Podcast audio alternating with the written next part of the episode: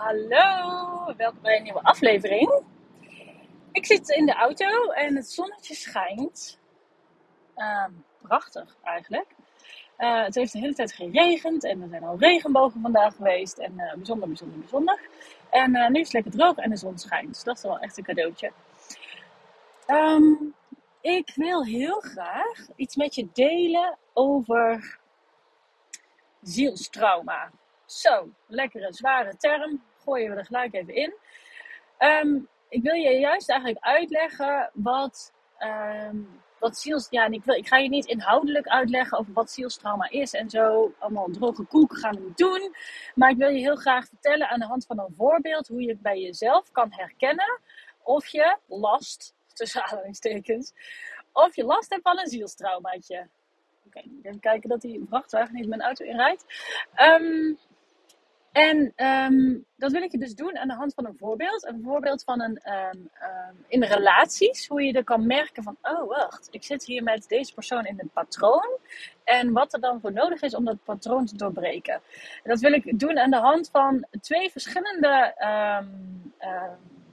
ja, consults die ik heb gedaan dit weekend. Waarbij precies hetzelfde tevoorschijn kwam. En wat je kan merken in relatie met een persoon. Uh, dat kan een liefdesrelatie zijn. Kan een vriend of vriendin zijn. Het kan je kind zijn. Het kan je ouders, een van je ouders zijn. Het kan, het kan iedereen zijn. Iedereen waarmee je een relatie hebt. En een relatie is dus ook in de brede zin. Uh, een kennis is al een relatie. Iemand die verder weg van je staat is al een relatie.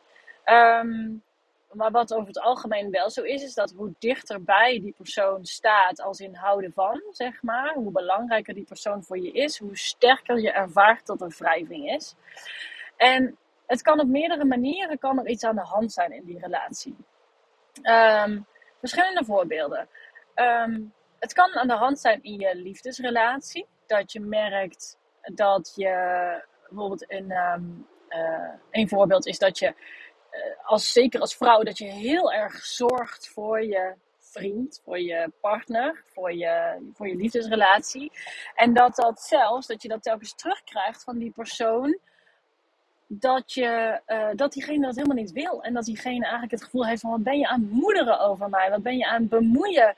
Wat ben je je aan bemoeien uh, richting mij? Ik kan wel voor mezelf zorgen. Waarom, waarom zit je de hele tijd zo te zeuren? Dat, soort dingen kan je terugkomen. Wat bij jou dan heel persoonlijk voelt. Zeg van, ja maar hallo, ik probeer je hier alleen maar te helpen. helpen. Ik hou van je. Ik probeer je te helpen, want ik zie dat je hier, um, dat je hier um, uh, niet goed voor jezelf zorgt. Of dat je te laat naar bed gaat. Of dat het niet goed gaat op je werk. Of dat je er moe uitziet. Of, nou ja, op die manier kan je het heel erg merken. Dus dat je aan het zorgen bent voor iemand. En dat diegene dat eigenlijk daar heel veel weerstand tegen heeft. En dat je dus telkens een beetje in de clinch raakt groot of klein, dat, um, ja, dat het niet werkt op die manier.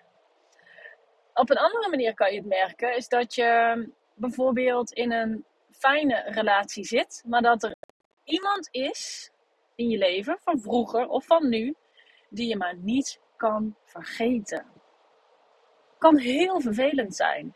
En het kan ook zijn dat je dus de hele tijd nog moet denken aan een liefdesrelatie die je in je jeugd hebt gehad, die, um, uh, waar je over droomt, misschien zelfs wel, of waar je naar verlangt, of dat je denkt van, ach, wat was alles toch goed toen, en dat je ook wel aan jezelf kan vertellen, ja, maar ik heb nu, ik heb nu in deze relatie waar ik nu in zit, heb ik heel veel, en uh, dat, dat, dat, ja, het gras is niet groener, en ik moet gewoon werken aan deze relatie, en dan wordt het ook zoals toen. Maar dat je dat toch, dat gevoel wat je toen voelde voor die persoon, of in, dus in het huidige van wat je nu voelt voor een andere persoon, dat je dat maar niet kan vergeten. Dat het je kan overweldigen. Dat het je kan, ja, letterlijk bij je kan blijven spoken. Dus ook in je dromen.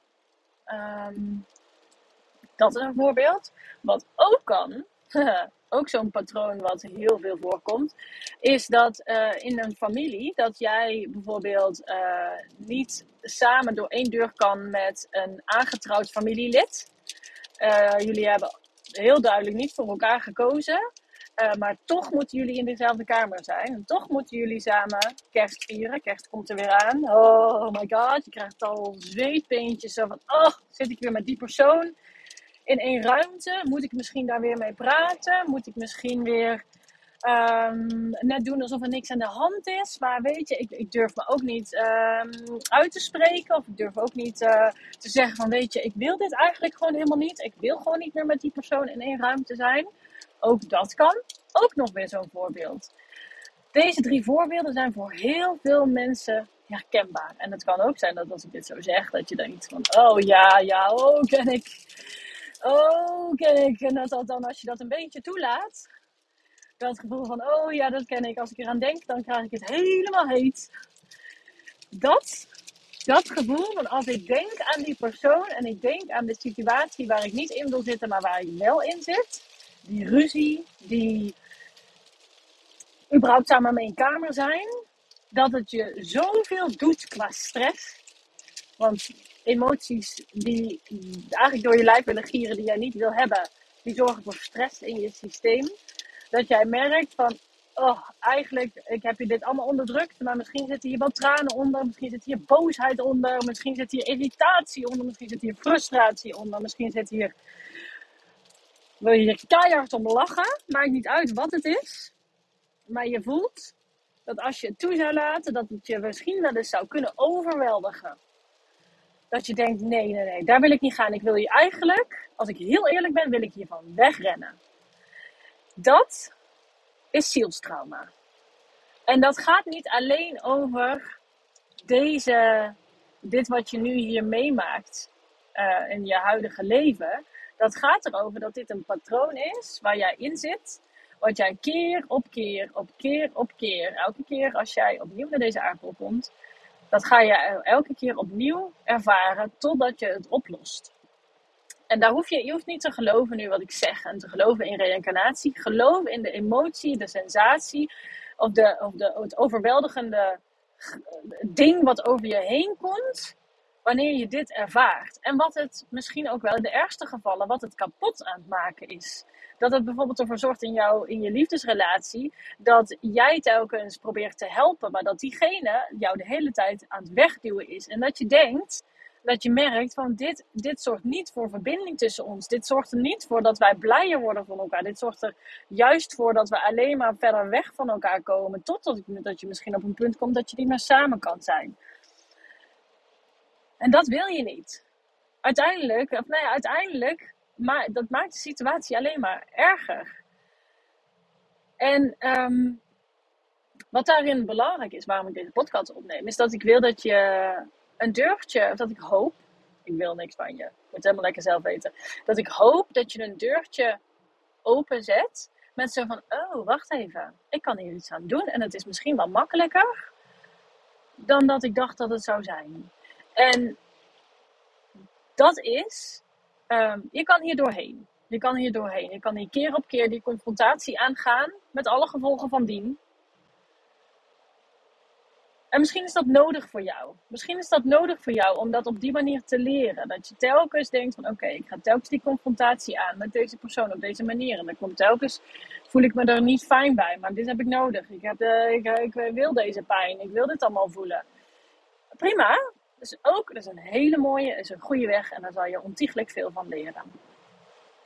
Maar als jij klaar bent om dit los te laten, als jij deze les eigenlijk al, als jouw ziel deze les eigenlijk al heeft geleerd in een vorig leven, als jij dit al een keer doorleefd hebt, dan is het niet nodig dat jij jezelf dit nog een keer ja, aandoet, tussen aanhalingstekens, hè, ligt eraan hoe zwaar het is, dat je dit zelf nog een keer aandoet in dit leven. Dan mag het opgeruimd worden. Dan mag het losgelaten worden. En wat je daarvoor nodig hebt, kan ik niet precies weten, want iedereen werkt anders. Maar het enige wat ik je daarbij uh, wil, wil meegeven, is dat de, de, het besef dat het misschien wel eens uh, dat dit niet de eerste keer is dat je dit doormaakt. Dat dit zo heftig voor je is dat je denkt: ja, ik kan hier gewoon bijna een déjà vu van krijgen. Dit heb ik al een keer doorgemaakt. En dat je jezelf afvraagt: is het nodig dat ik dit mezelf nu nog een keer aandoe? Of mag ik hierin gewoon kiezen voor mezelf? En dat kiezen voor jezelf, alleen al die beslissing. Ja, maar wacht even. Dit wil ik niet meer. Dit ga ik niet meer doen. En dan maakt het niet uit wat de uitkomst is. Maar ik kies nu voor mezelf. En dat is, ehm, dat is uiteindelijk het enige wat nodig is misschien wel. Dat je kiest voor jezelf, heel bewust. En dus met, ook met dat je even met jezelf gaat zitten. Denkt aan die persoon, denkt aan die situatie. Niet denkt over de gevolgen van kiezen voor jezelf, maar wel het besef: ik heb nu genoeg gedaan hierin. Ik ben klaar met deze ruzies. Ik wil dit niet langer op deze manier. Ik laat het nu los. Ik laat nu de ander los op deze manier. Betekent niet dat deze persoon uit jouw leven zal verdwijnen. Betekent ook niet per se dat daar een dikke ruzie uitkomt. Betekent ook niet dat alles gaat veranderen. Maar het kan wel zijn dat alles gaat veranderen. Maar als jij genoeg vertrouwen voelt om dit te doen. Als je genoeg vertrouwen voelt van ik ga dit nu, ik ga nu hierin kiezen voor mezelf en ik laat de ander los. En ik weet dat het hoe dan ook goed zal komen. Dat betekent ook weer dat jij klaar bent om dit los te laten. En dan kan je het loslaten. En dan is dat het enige. Dus ik kies voor mezelf en ik laat de ander los. Dat beseffen bij jezelf en dat letterlijk uitspreken kan het bekrachtigen. Ik kies voor mezelf en ik laat de ander los. Dat kan je heel, heel opluchting geven. En geef het dan ook tijd. Als je dat hebt gedaan, geef het tijd. Kijk hoe de dingen veranderen. Gaan ze veranderen? Of heb je nog meer stapjes te zetten met deze persoon? Het kan ook zijn dat je nog, toch nog niet klaar bent. Dat er iets nieuws naar boven komt. Zo van, oh ja, maar nou zorg ik niet meer voor die persoon. Maar uh, nu uh, heb ik nog wel iets anders te doen. Kan. Doen. Op dezelfde manier. Um, als je voelt dat je dit niet alleen kan, dat je denkt van ja, maar dit overweldigt me zo, ik kan dit niet op deze manier, Roos, zoals je dat net zei. Klinkt misschien makkelijk, maar dat kan ik niet. Kan ik niet op deze manier? Als je dat voelt, plan dan een sessie in. Want dit soort dingen zijn prachtig om los te laten in een energetische sessie. En het mooie is, dan hoef je niet naar die emotie. Ik ga het je niet laten voelen. Dat is niet nodig. Als het opgeruimd kan worden, dan ruimen we het op. En dat is het dan ook. Jij hoeft niet die emotie nog een keer te voelen. Jij hebt het dan al doorleefd. Hoef je niet meer. Dus dat is wat ik ook doe in mijn sessies. Het wordt niet zwaar. Het wordt niet emotioneel. Als het niet nodig is. En natuurlijk mogen tranen er zijn. Mag. Maar het hoeft niet als jij niet, als jij in de meeste gevallen, de mensen, de meeste mensen die mij, bij mij aan tafel zitten, die, die doen wel eens een, een, een, een, die hebben een tissue nodig voor een klein pinkje, zeg maar, van een klein, een klein traantje wat, wat komt. Maar er wordt aan mijn tafel wordt niet keihard gehaald. Omdat het niet nodig is. Het mag wel.